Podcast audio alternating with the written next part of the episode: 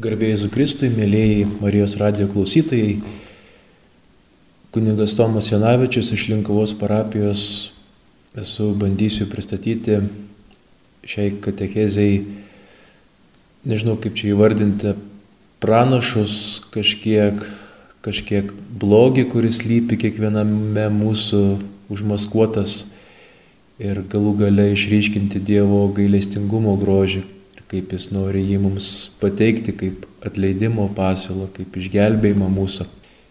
Ir toje temoje mes liesime kelius pranašus ir tiesiog bandysime matyti, kaip Dievas keliauja gražiai per, per savo žmonės, per savo pranašus, kad tik tais žmogų išgelbėtų, kad jį atverstų. Mozė yra žinome pristatomas kaip vienas iš didžių pranašų ir daug vietos užimantis Biblijos pranašų dalyje, ši tema yra labai svarbi pranašystės. Taip pat žinome, kad Dievas daug kartų kvietė žmonės per pranašus atsiversti, kol galų gale išsiuntė savo sūnų. Pranašavimas yra svarbus suprasti ir dar svarbiau juo gyventi, nes kiekvienas tikintysis iš tikrųjų yra pašauktas būti pranašu. Pabandykime suvokti, kas yra pranašas ir kaip per pranašą atsiskleidžia pats Dievas. Pranašas yra asmo, kuris mato esamą situaciją geriau negu kiti. Nesakom, kad jisai mato ateitį. Pranašo esmė visai neteitis. Jo esmė yra matyti esamą padėtį giliau, todėl kad jis klausosi Dievo ir leidžia jam įsikūnyti jo žmogiškoje istorijoje. Taigi esmė nematyti ateitį arba kas nutiks rytoj, tą mes palikim sinoptikams, bet svarbu yra pamatyti tai, kas iš tikrųjų vyksta šiandien. Normalu matyti, kas vyksta, bet pranašas sugeba matyti tai, kas nesimato, jis mato daugiau, nes jisai mato Dievo akimis. Jis sugeba žmonių istorijoje matyti veikiančiojo Dievo pėtsakus, Dievo išganamąją istoriją.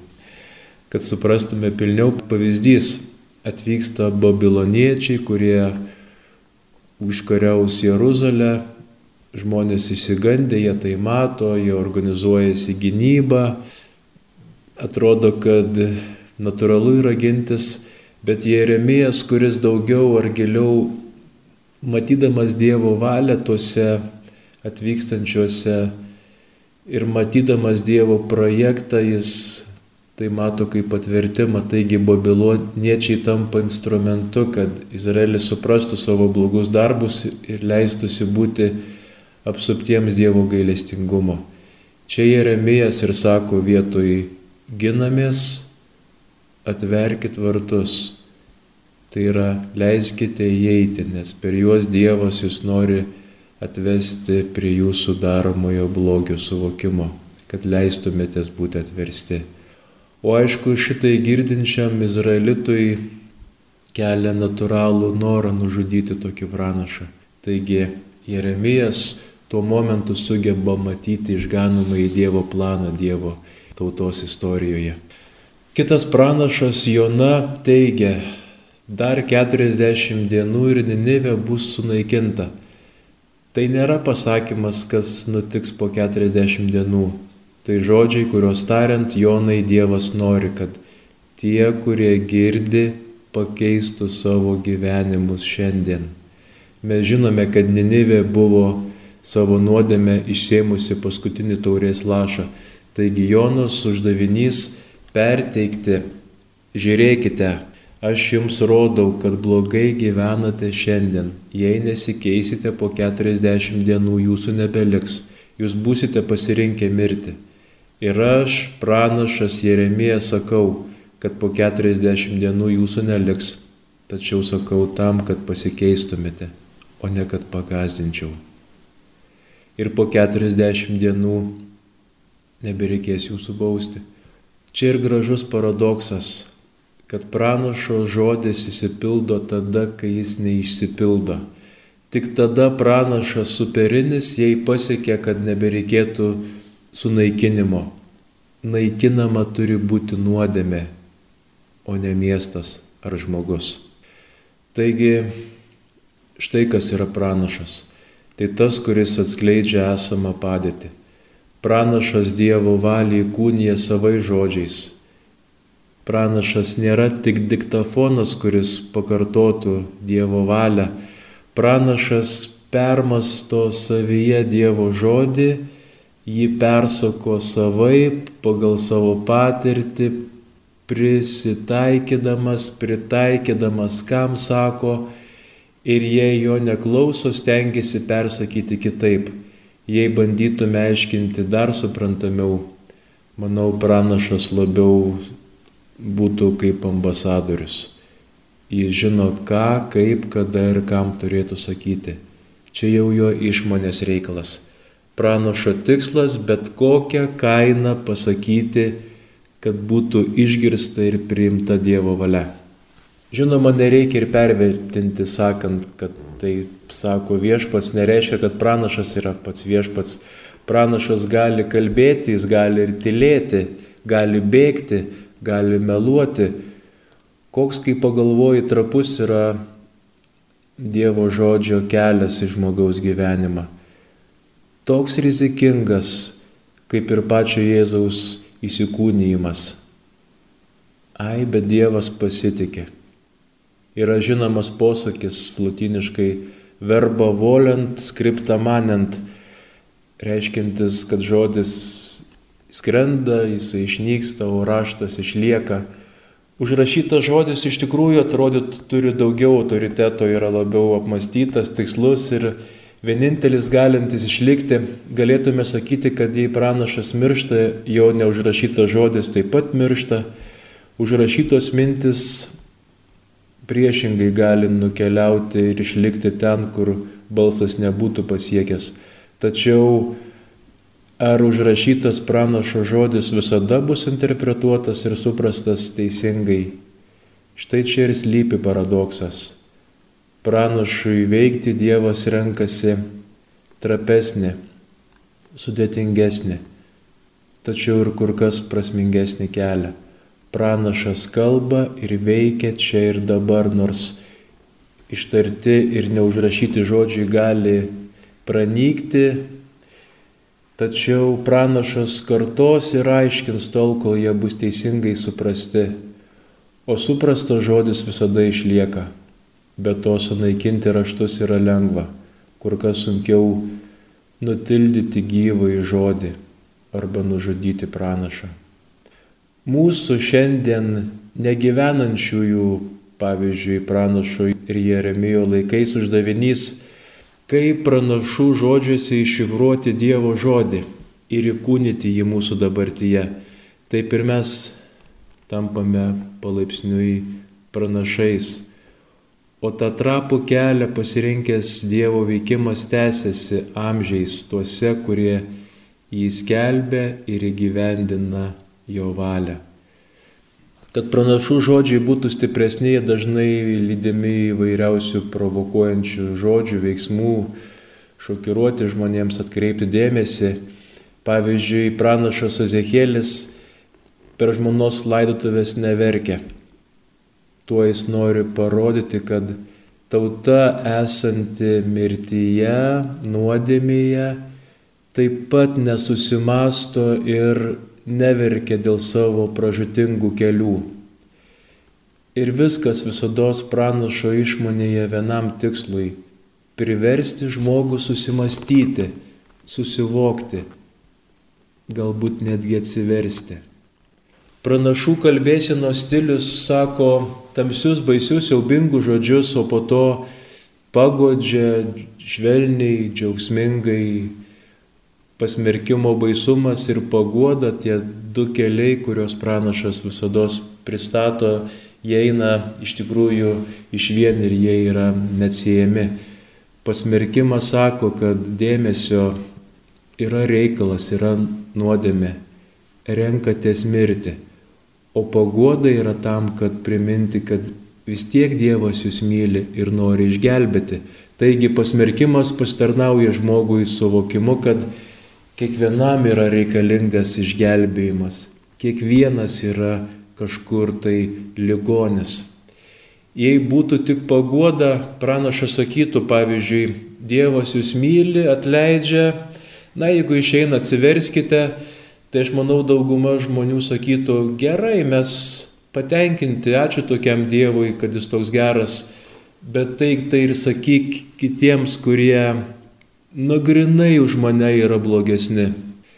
Ir pranašas pirmiausiai atskleidžia nuodėmę, o jie yra didžiulė apgaulė ir iliuzija.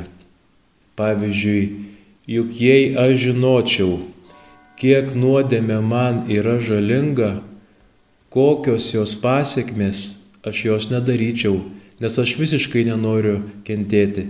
Jei elgiuosi blogai, tai dažnai save apgaudamas pasiguodžiu, kad šiuo metu tai yra galbūt geris arba bent jau mažesnis blogis. Taip pat žinome, kad meluoti yra blogis, kuris kartais net nužudo ir vis tiek meluojam, nes nežinom, kiek tai kenkia. Ir apnuodijam save, įveliam kitus, iki tol, kol randam, kaip galutinai save išteisinti, išsukant uodegą. Būtent tam ir reikalingas pranašas, kuris pasakytų, taip yra blogai, tu renkėsi mirti, leiskis atleidžiamas, Ir tai yra gyvenimo ir mirties klausimas. Ir tai yra gyvenimo ir mirties klausimas. Reikia, kad kažkas ateitų nutraukti susigyvenimo su blogiu grandinė, apsipratimo su blogiu grandinė. Visi nemoka mokesčių, ai tai gal tada ir aš galiu nemokėti. Ir nebematau, kad tai yra blogai, net nebepagalvoju. Ir matom, kiek tai yra palaipsniui pavojinga o pranašas vis, na neįsigaskim to žodžio, bet jisai kaltina, smeigia žmogų į širdį, kad jie pamatytų, jog negerai daro. Jis vis atskleidžia žmonėse užsisenėjusi blogį, kurį karts drąsiai jau kaip ir gerą užskaitom. Ir tas pranašiškas mūsų akių atverimas ne tam, kad mes pražūtume, bet priešingai kad leistumės būti atleidžiami nuo nuodėmės jungo. Ar mano Dievas veikia kitaip? Jam norisi, kad jo kūrinys pražūtų ar kad gyventų. Manyčiau, visi norėtume tikėti į tokį Dievą, pas kurį žmogus nori sugrįžti. Jis mus kaltina, tą mes jaučiam savo sąžinėje, o jei jau užsisenėjusi, jei nutukusi širdis, Kaip norėtųsi neprarasti vilties, kad Dievas ją prakalbins šių laikų pranašų balsais, kuriais galbūt galėtumėm ir turėtumėm būti bei mes. Taigi mums reikia pranašo, kuris atskleistų blogį, o tada sužydės dieviškasis gailestingumas. Blogio atskleidimas didžiausia džiaugsmo pradžia. Susumavus galim garantuoti, kad Dievas yra viską išpirkęs, kiekvieną atleidęs mūsų nuo nuodėmių, nes Kristaus kryžius tą mums leidžia tikėti. Ar tai neraminančiai skamba? Dabar galim sekundėlę paklausti, tai kam man bereikalinga išpažintis, gi viskas jau atleista. Ir Dievo kaltinimas, kabutėse, mūsų atveju yra tik atleidimo pasiūla. Išpažintis visgi, mėlyjei, tai to atleidimo prieimimas, blogio atskleidimas. Tai dėkojimas už tas žaizdas, kurias Dievas man atleisdamas išgydo ir viso to įvertinimas. Nes nejaugi Dievas atleidžia tik todėl, kad mes nusižeminame, atsiklaupiame prie klausyklos, išsakome nuodėmės Taip, viso to reikia, bet koks ribotas tada būtų Dievo gailestingumas. Ir kaip reikia iš tikrųjų apsukti mūsų išpažinties supratimą, kad bandytume teisingai suvokti gailestingai Dievą? Ir svarbiausia ir pirmiausia savo užsisenėjusias nuodėmes. Kitoje dalyje šios katechezės kvieščiau giliau ir išsameu šiek tiek panalizuoti pranašą Eliją. Ir aš studijuodamas kažkada Romoje turėjau garbės su dėstytoja Biblijos Bruna Kostakurta. Jinai tiesiog turėjo paskaitų ciklą, kur, kur man labai sužavėjo ir, ir tiesiog paskui nusipirkau tą knygutę ir, ir dabar šioks toks mano vertimas be, bei perteikimas ir gal kažkam kažkas tikrai užstriks ir patiks, nes tikrai gražios ir, ir gilios išvalgos, kurias tikiuosi man pavyks perteikti. Tai pranašas Elijas yra pagrindinis veikėjas. Karalių knygose Elijas laikomas prieš akinių taip vadinamų pranašų, nes žinomas ne iš raštų, bet iš įvykių, dramatiškų atsitikimų, kurie Elija ir susiję su jo žodžiais. Jis yra viena iš ryškiausių figūrų, kurias Biblijos puslapiai mums dovanoja. Tai tikėjimo žmogus, visas atsidavęs Dievui, ugningas, Šis pranašas kiekvienam tikinčiajam parodo įstabų Dievo veido ieškojimo procesą, leidžiantį siekti nuolat atsinaujinančios ištikimybės ir klusnumo jo žodžiai. Pirma karalių knyga 17 skyriaus pirmosios šešios eilutės. Tižbėtis Elijas iš Tižbės Gileade tarė Ahabui, kaip gyvas viešpats Izraelio Dievas, kuriam aš tarnauju Šiais metais nebus nei rasos, nei lietaus, nebent aš duosiu žodį. Elyjui atėjo viešpatė žodis tardamas, eik iš čia, pasuk į rytus ir pasislėp prie Herito upelio, rytuose nuo Jordano. Atsigersi iš upelio, o aš paliepiau varnams ten tave maitinti. Jis tad leidosi į kelionę, vykdyti, ką viešpats jam buvo įsakęs Nuėjęs gyveno prie Herito upelio į rytus nuo Jordano, varnai neždavo jam duonos ir mėsos, kas rytą ir kas vakarą, o iš upelio jis atsigerdavo. Pranašas Elijas savo tarnystę vykdo Šiaurės karalystėje, maždaug 9 amžius prieš Kristų. Šiaurės šalyje gana greitai mesgėsi draugystė su pagonių kultais, ta meldystės kulminacija pasiekta būtent Elijo laikais Ahabui valdant pastarasis veda Gezabelę, Sidono karaliaus dukrą išpažinusią balizmą ir balo kultas tampa oficialiai Izraelio karalystės religija. Ir atrodo bėgo gero gyvenimo periodas, relatyvi ramybė, bet tuo tarpu išvada apie Ahabo karaliavimą gražiausiai aprašyta pačiam šventajame rašte, jinai tokia liūdnoka. Omrio sūnus Ahabas darė, kas buvo nedora viešpaties akise, daugiau už bet kurį savo pirmtaką. Negana to jam buvo kartoti Nebato sūnaus Jerobamo nuodėmės, jis paėmė žmoną Sidoniečių karaliaus Edbolo dukterį Jezabelę ir pradėjo garbinti balą ir jam tarnauti. Balui jis padirbo aukurą balo šventykloje, kurią jis buvo pastatęs Samarijoje. Ahabas padarė ir šventąjį stulpą. Ahabas padarė daugiau viešpačių Izraelio dievų supykinti, negu bet kuris iš prieš jį buvusių Izraelio karalių. Antroji karalių knyga 16 skyrius. 33 eilutės. Turime nepamiršti, kad esame žemdirbių krašte, kur be abejonės labai paklausy yra draugystė su balu, audrų ir lietaus dievuku, nešančių derlių žemė ir maistą gyvuliams. Vienoje vietoje balas pavaizduotas laikantis rankoje jėti, kuri primena žaibą atvieskinti iš dangaus. Atrodo, jo rankose gyvenimas ir mirtis susijęs su žemdirbystės ciklu.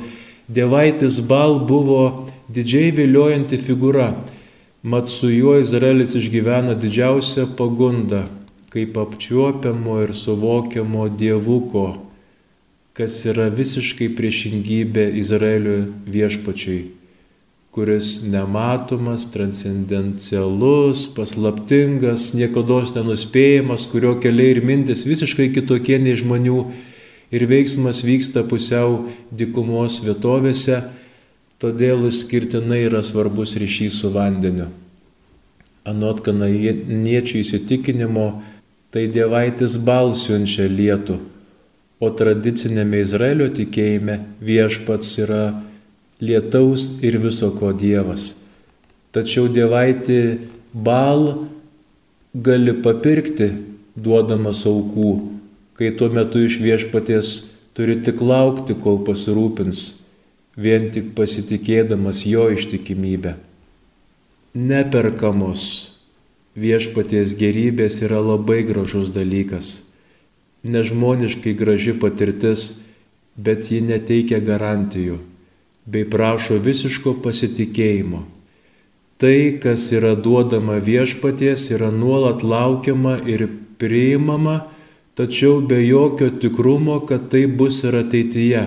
Tuo tarpu, jei čia susimoki, už tai, ką gavai, esi užtikrintas, kad kai tik norėsi ir ko tik norėsi gausi.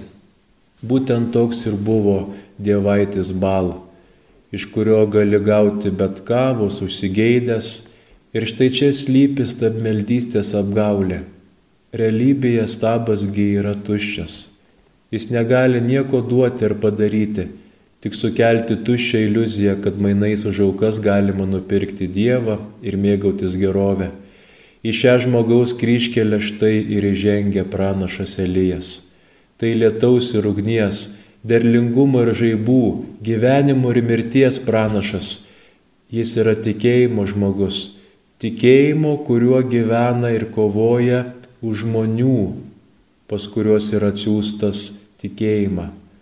Pats pranašo vardas beje ir talpina jo pačio gyvenimo programą.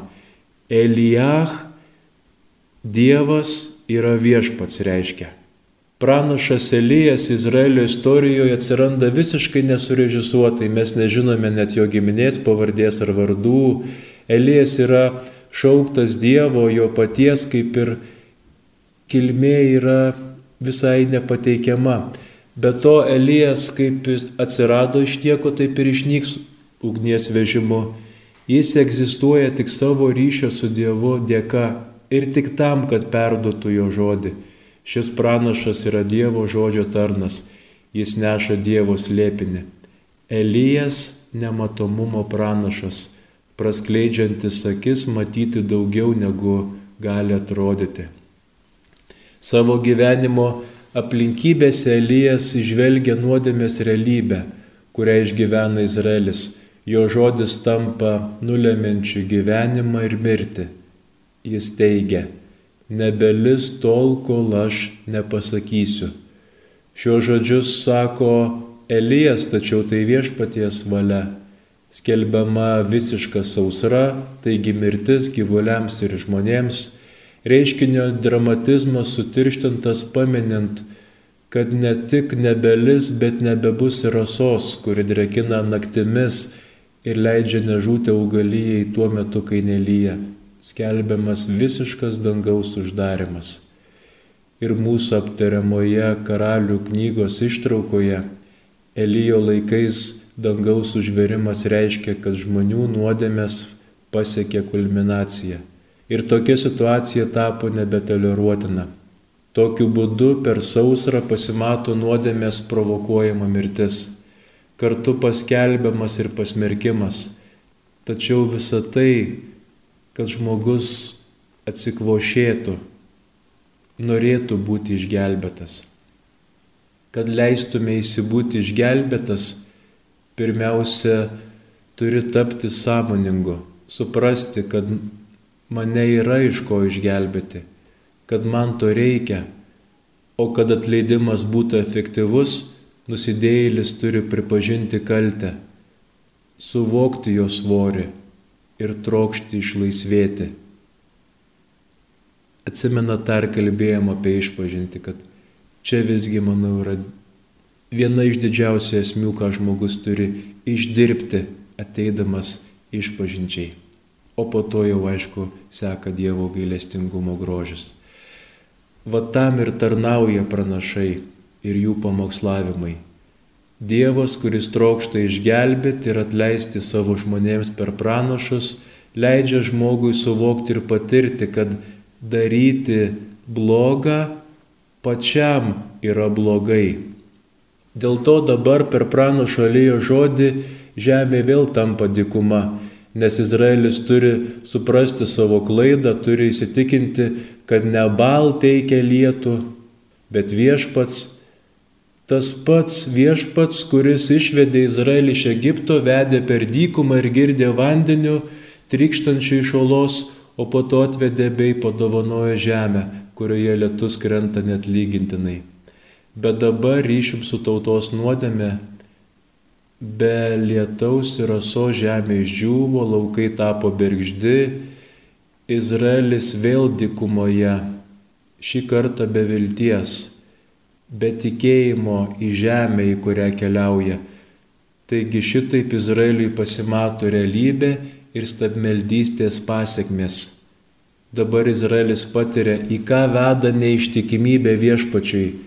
Prieš tai ieškojo vandens pas bal, dabar supranta, kad taip darydami jie pasirinko mirti nuo sausros.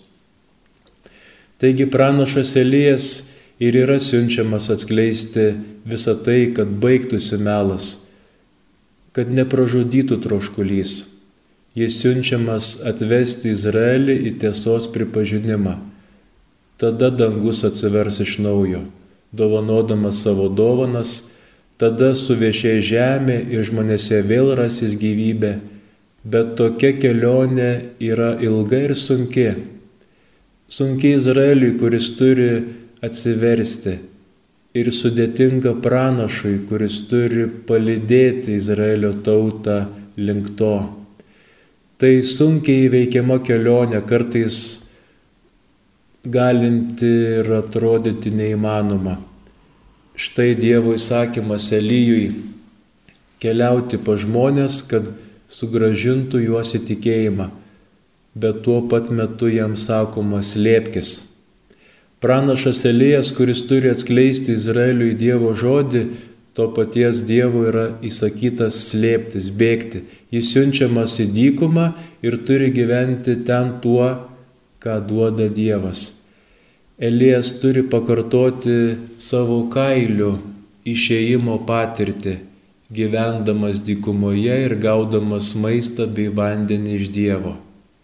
Tai pamatinė patirtis, kuri Izraeliui buvo tikėjimo mokykla atmintin iškylo tautos murmėjimai ir pasitikėjimo Dievu sunkumas, su kuriuo tauta nuolat susidurdavo. Mana dykumoje turėjo būti renkama kasdien, be galimybės jos atsidėti rydienai, visiškai pasikliaujant, kad ateinančią dieną ji vėl bus Dievo duota.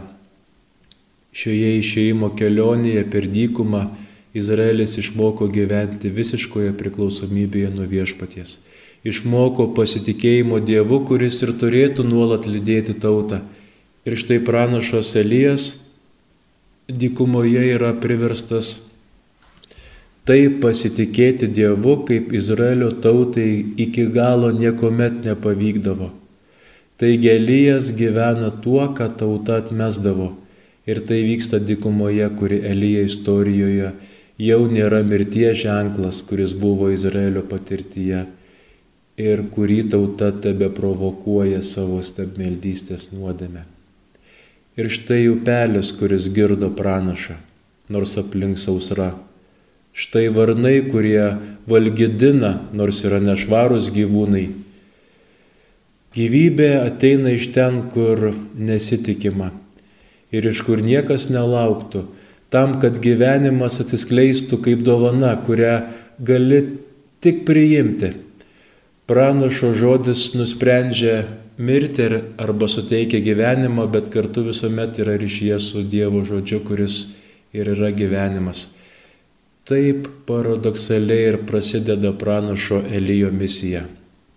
Jis yra siūstas gelbėti tautą, bet pats turi slėptis. Yra nešėjęs Dievo žodžio, bet dabar turi tylėti. Atneša sausrą šaliai, bet pats geria iš upelio, turi konfrontuoti su karaliumi, jam atskleisdamas stabmeldystę, bet yra išsiunčiamas į dykumą, kur karalius tikrai netvyks. Jo žodis teikia gyvenimą arba mirtį, bet jis pats gyvena gaudamas gyvybę tik iš Dievo. Jis išdžiovino žemę, bet vėliau pripildys miltų podynę ir aliejaus asoti zareptos našliai. Tokia didi pranašo Lyjo figūra. atskleidžia pranašavimo realybę. Iki galutinio pranašo Jėzaus iš Nazareto, kuklaus karaliaus, atėjusio pas pražuvusias Izraelio vis, kad jas išgelbėtų, iki paskutiniojo įtikinti žmonės, kad jie yra įkalinti nuodėmės ir kad leistusi būti išlaisvinami tėvo gailestingumo, kad susivoktų esą sergantis ir kad jiems reikalingas medikas, kurio gydančių išganimu jie galėtų pasitikėti. Taip pat ir mes per Dievo malonę esame kviečiami būti pranašais, tiesos ir gailestingumo žodžių nešėjais. Esame kviečiami gyventi Dievo žodžiu ir jo dovanomis, dovanomis, kurios dažnai nesuvokiamos, visai kaip vanduo iš upelio dikumoje arba kaip varnų atneštas maistas, kaip Elyjui, taip ir mums yra patikėta visiško atsidavimo Dievu misija. Visiškas pasitikėjimas juo be jokių garantijų, esminis Dievo potyris ir tuo dalymasis su kitais. Aliejus ir miltai. Elijo susitikimas su Zareptos našle. Pirma karalių knyga, 17 skyrius, 7-16 eilutės. Ilgainiui upelis išdžiūvo, nes nebuvo krašte lietaus. Tada viešpatė žodis atėjo Elijui tardamas, tuoj pat eiki Sudono zareptą ir ten pasilik. Vienai tenykščiai našliai sakiau tave maitinti. Jis tad leidusi į kelionę ir atėjo į zareptą. Prieėjęs miesto vartus jis pamatė ten našlę berenkančią malkas. Ja pasišaukęs tarė, prašyčiau atnešti man truputį vandens indė atsigerti. Jei einant atnešti iššūktelė iš paskos tardamas, atnešk man kasnį duonos rankoje. Kaip gyvas tavo viešpats jie atsakė, aš nieko kepto neturiu, vien tik saują miltų puodę ir truputį aliejaus asotyje Štai dabar rankijų pagalius, kad grįžusi namo taip pataisyčiau savo ir sūnui, suvalgysime ir paskui mirsime. Nebijok, tarė jie eilės, eik ir daryk, kaip sakei, bet pirmą padaryk paplotėlį ir jį atnešk man, o tada pataisyk ko nors savo ir savo sūnui, nes viešpats Izraelio Dievas taip kalbėjo. Miltai puodė neišseks, nei aliejaus asotyje nepritrūks iki tos dienos, kurią viešpats asiūs žemiai lietaus. Nuėjusi jį padarė, kaip Elijas buvo pasakęs. Ji pati ir jis bei visa jos šeimyna turėjo maisto ilgą laiką. Miltai puodė neišseko, nei Elėjaus asotyje nepritrūko, kaip viešpats buvo kalbėjęs per Eliją. Elijo istorijos pasakojime esame lūžio taške. Upelis, kuris girdė išdžiūvo, o dikumoje be vandens gyvybė yra neįmanoma. Sausros pasiekmes palietusios tautą dabar paliečia ir pati pranašą, kuris savo žodžiu sausrą ir išprovokavo. Dievas leido gyventi Elijui vandenį iš upelio ir maistu iš varnų, dabar vandens nebėra, tad ir pačiam pranašui sausra reiškia mirti gyvybė turi ateiti iš kitur. Ir vėl nenuspėjimai, ir vėl be garantijų. Galima sakyti, kad esame pirmojoje pranašo krizėje. Jo tarnystė Dievo žodžiai jį patį stumia į to žodžio pasiekmes. Skelbė mirti nusidėjėliams, bet dabar pats gali mirti. Iš tos krizės išeiti padeda tik tikėjimo paklusnumas nes štai Dievo įsakymas, tuoj pat eik į Sidono Zareptą ir ten pasilik. Jei prieš tai pranašui teko slapstytis, dabar jis turi išeiti iš saugios vietos į nedraugišką kraštą, taryto miliūto nasrus. Bet štai čia vėl pasirodys viešpatės rūpestis. Našlė maitins pranašą, kaip anksčiau jį maitino varnai. Įsakiau našliai tave maitinti, sakoma bet kaip ir varnų, taip ir našlės rūpestis elėjumi atrodo mažai pasakius nepatikimai. Juo rūpinsis našlė, kuri savaime, suprantame, pati yra nesaugi ir kuriai pačiai mirtinai reikia pagalbos. Atsimenate garsėje Biblijos triadą dažnai sutinkama raštuose. Našlė, našlaitis ir svetimšalis. Jie yra silpniausi, pažeidžiamiausi, reikalingi rūpeščio. Ir štai kuriozas, kad Dievo rūpestis pasirodo per vargšų dosnumą. Elijas pasitikė Dievu, paklauso liepimo, keliauja į Zareptą, ten sutinka našlę, kaip ir buvo sakęs Dievas, problema išlieka viena. Ar Dievas laikysis duotojo pažado, jog toji našlė maitins jį? Pradžioje atrodo, kad taip, moteris renka malkas ugniai, taigi maisto vadinasi yra. Ir kai Elijas paprašo jos atsigerti, jį paklūsta, eina atnešti vandens. Elijo upelis išdžiūva, bet atrodo našlė šulinys dar ne. Viltis atsigauna, pranašas atrodo rado pagalbą, kurios ieškojo. Skaitytojas gali net lengviau atsikvėpti toje vietoje, kaip tikriausiai ir pats Elijas, bet tai tik iliuzija sausros pasiekmes atėjo ir čia. Kai tik Elijas paprašo atnešti ir kepalėlį duonos, pasirodo tikroji situacija - maisto nebėra. Malkos renkamos paskutiniam patiekalui prieš mirtį. Našliai žodžiuose jaučiama desperacija. Liko saujelė miltų, lašas aliejaus, po to pabaiga, keps paploti duos sūnui ir tada beliks laukti mirties šitą suvalgysim ir po to mirsim. Tai kasdienė pastanga, kuri nedingsta net mirties akivaizdoje. Tai pagarba gyvenimui, kuris maitina mažuosius ir vargšus.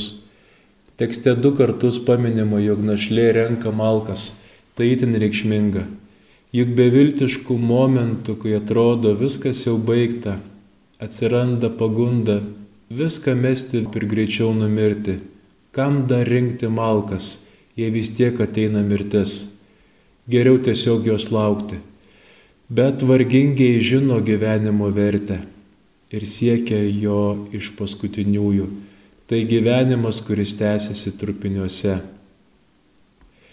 Ir našlė žodžiuose ir geisme eiti pirmin slypi motinos meilė, kuri suteikia ir prisotina gyvenimą iki paskutinio atodusio. Meilė, kuri nesit taiko su mirtimi ir gina gyvybės orumą net tada, kai atrodo viskas prarasta. Kažkas panašaus vyksta ir Abromogi istorijoje, kai sunaus paukojimo pasakojime jis iki paskutinio momento rūpinasi, kad sunus būtų apsaugotas, nesusižeistų. Abromas žino, kad turės sūnų paukoti, bet kopime į kalną sunus ne, neša malkas o pats Abromas neša nesaugius dalykus, tai yra peilį, rugnį, kaip gražiai tėviškai saugoja sūnų. Kaip ir Abromas, taip ir našlė įkvoja paskutinės jėgas, rinkdama malkas, kad paruoštų paskutinį valgių sūnui, bet būtent iš moters, kuri pati ant mirties lenkščio ir gyvenimo prašo Elijas. Tas, kuris vėliau pats atgaivins mirusi vaiką, tas, kuris pats sausra išprovokavo mirties siaubą. Ši scena primena evangelinį pasakojimą apie Jėzų, prie šulinio susitinkantį Samarietę. Ten Mesijas pasaulio gelbėtojas, tas, kuris atėjo teikti pasauliui gyvojo vandens, pats prašo Samarietės, duok man atsigerti. Taip sikeitimas vaidmenimis. Tas, kuris duoda, prašo, bet prašo tam, kad galėtų duoti. Dievo galybė pasireiškia silpnume ir suvokime, kad Dievas reikalingas. Būtent taip nutinka ir Zareptoje. Elijas galingas pranašas, kuriam paliepus lyja ir kuriam paliepus nustoja lyti, tasai Elijas prašo vandens ir duonos našlės, kuri pati per plauką nuo mirties, bet prašydamas duonos ir vandens dovanoja tikėjimą. Tokius mainus galima sugretinti ir su viešpačiu Jėzumi kuriame įsipildo visas raštas gelbstinčioje mirtyje, kurią aprašo evangelistas Jonas. Vandens šaltinis, jo pažadėta samarietiai prie šulinio ir galiausiai mirtyje duoda gyvą į vandenį šventąją dvasę, bet pats sako trokštų. Čia apsireiškia Dievo veidas, Jėzus yra šaltinis, bet šaltinis išdžiūvęs. Duok man gerti, sako samarietiai, arba ant kryžiaus tarė trokštų. Dievas išganimo istorijoje žmogui apsireiškia kaip elgeta, tiesdamas ranką, prašydamas, bet prašo tam, kad galėtų duoti, kad atvertų duodančiojo širdį. Prašydamas Jėzus atveria mus tam, kad sugebėtume priimti. Prašo samarietės, duok man gerti tam, kad galėtų teikti jie gyvojo vandens. Dievas neįsako, o klausia, neverčia, o padeda atsiverti. Nes žmogaus atsakui reikia tikėjimo, reikia laisvės, troškimo, prieimimo, nesuvaržymo ir meilės. Pranašas Elijas Dievo žodžio nešėjas prašo našlės vandens ir duonos, nepaisydamas jos pačios dramatiškos padėties, jis ragina našlę nebijok. Tai autoritetingas pasakymas, kad gyvybė vis dėlto ateina iš Dievo. Nors pati ji nebuvo izraelitė našlė, tačiau pripažino pranašą kaip Dievo siūstąjį. Šis padrasinimas leidžia atsikratyti vienišumo, silpnumo ir bejėgiškumo jausmo, kurį lydi dar ir baime. Kiek vėliau Elijas suformuluoja akis draskinti prašymą. Pirma paruoš paploti man ir jį atnešk savo ir vaikui pasidarysi po to. Tasai po to einanti sakinio gale į žulumo atrodytų viršūnė, regis našlės ir vaiko gyvybė antrame plane bet prašymas yra su pažadu ateičiai. Miltų podinė neištuštės, aliejaus asotis nesibaigs iki dienos, kai viešpas gražins lietų. Tai eilijo šauksmas pasitikėti, mirties akivaizdoje atiduoti paskutinį kasnį. Našliai lieka pasitikėjimas arba mirtis. Elijas našlės prašo pasitikėjimo, kuris atrodo turėtų būti didesnis už meilę sūnui pranašas kviečia atsisakyti to, ką turi ir atiduoti jam, užuot atidavus sūnui. Bet tai nėra grėsmė gyvybei, tai tikėjimo kaina. Mirtis našlės laukia jau seniai, tačiau čia iškyla viltis, nors ir be garantijų. Būtinas dosnus tikėjimas. Moteris turi nuspręsti, ar pasitikėti pranašo žodžiu, o tai reiškia tikėti, kad tai, ką Elijas pažada įsipildys, tai sunkus sprendimas, ypač nesaugiai našliai, bet moteris randa jėgų priimti pasiūlymą net mirties akivaizdoje. Vargai ir skausmai ten neskatina atsisakyti solidarumo ir tikėjimo. Su vargšų romumu jis sutinka su Elijo prašymu lygiai kaip Evangelijos našlė paukoja savo dvi monetas šventyklos turtams, dalinasi visko tuo, ką turi. Dievas laikysi savo pažado. Miltų ir aliejus bus tol, kol žemėn grįž lietus. Viešpats yra tas, kuris duoda gyvybę dabar miltais, vėliau lietumi. Dievo artumas atsiskleidžia kasdienybėje Tai, kas vyksta našlės namuose, yra stebuklas, bet pasvertas, lašas po lašo, sauja po saujos. Nėra upės aliejaus ir kalno miltų, tai yra indas su trupučiu aliejaus ir podinė su šiek tiek miltų.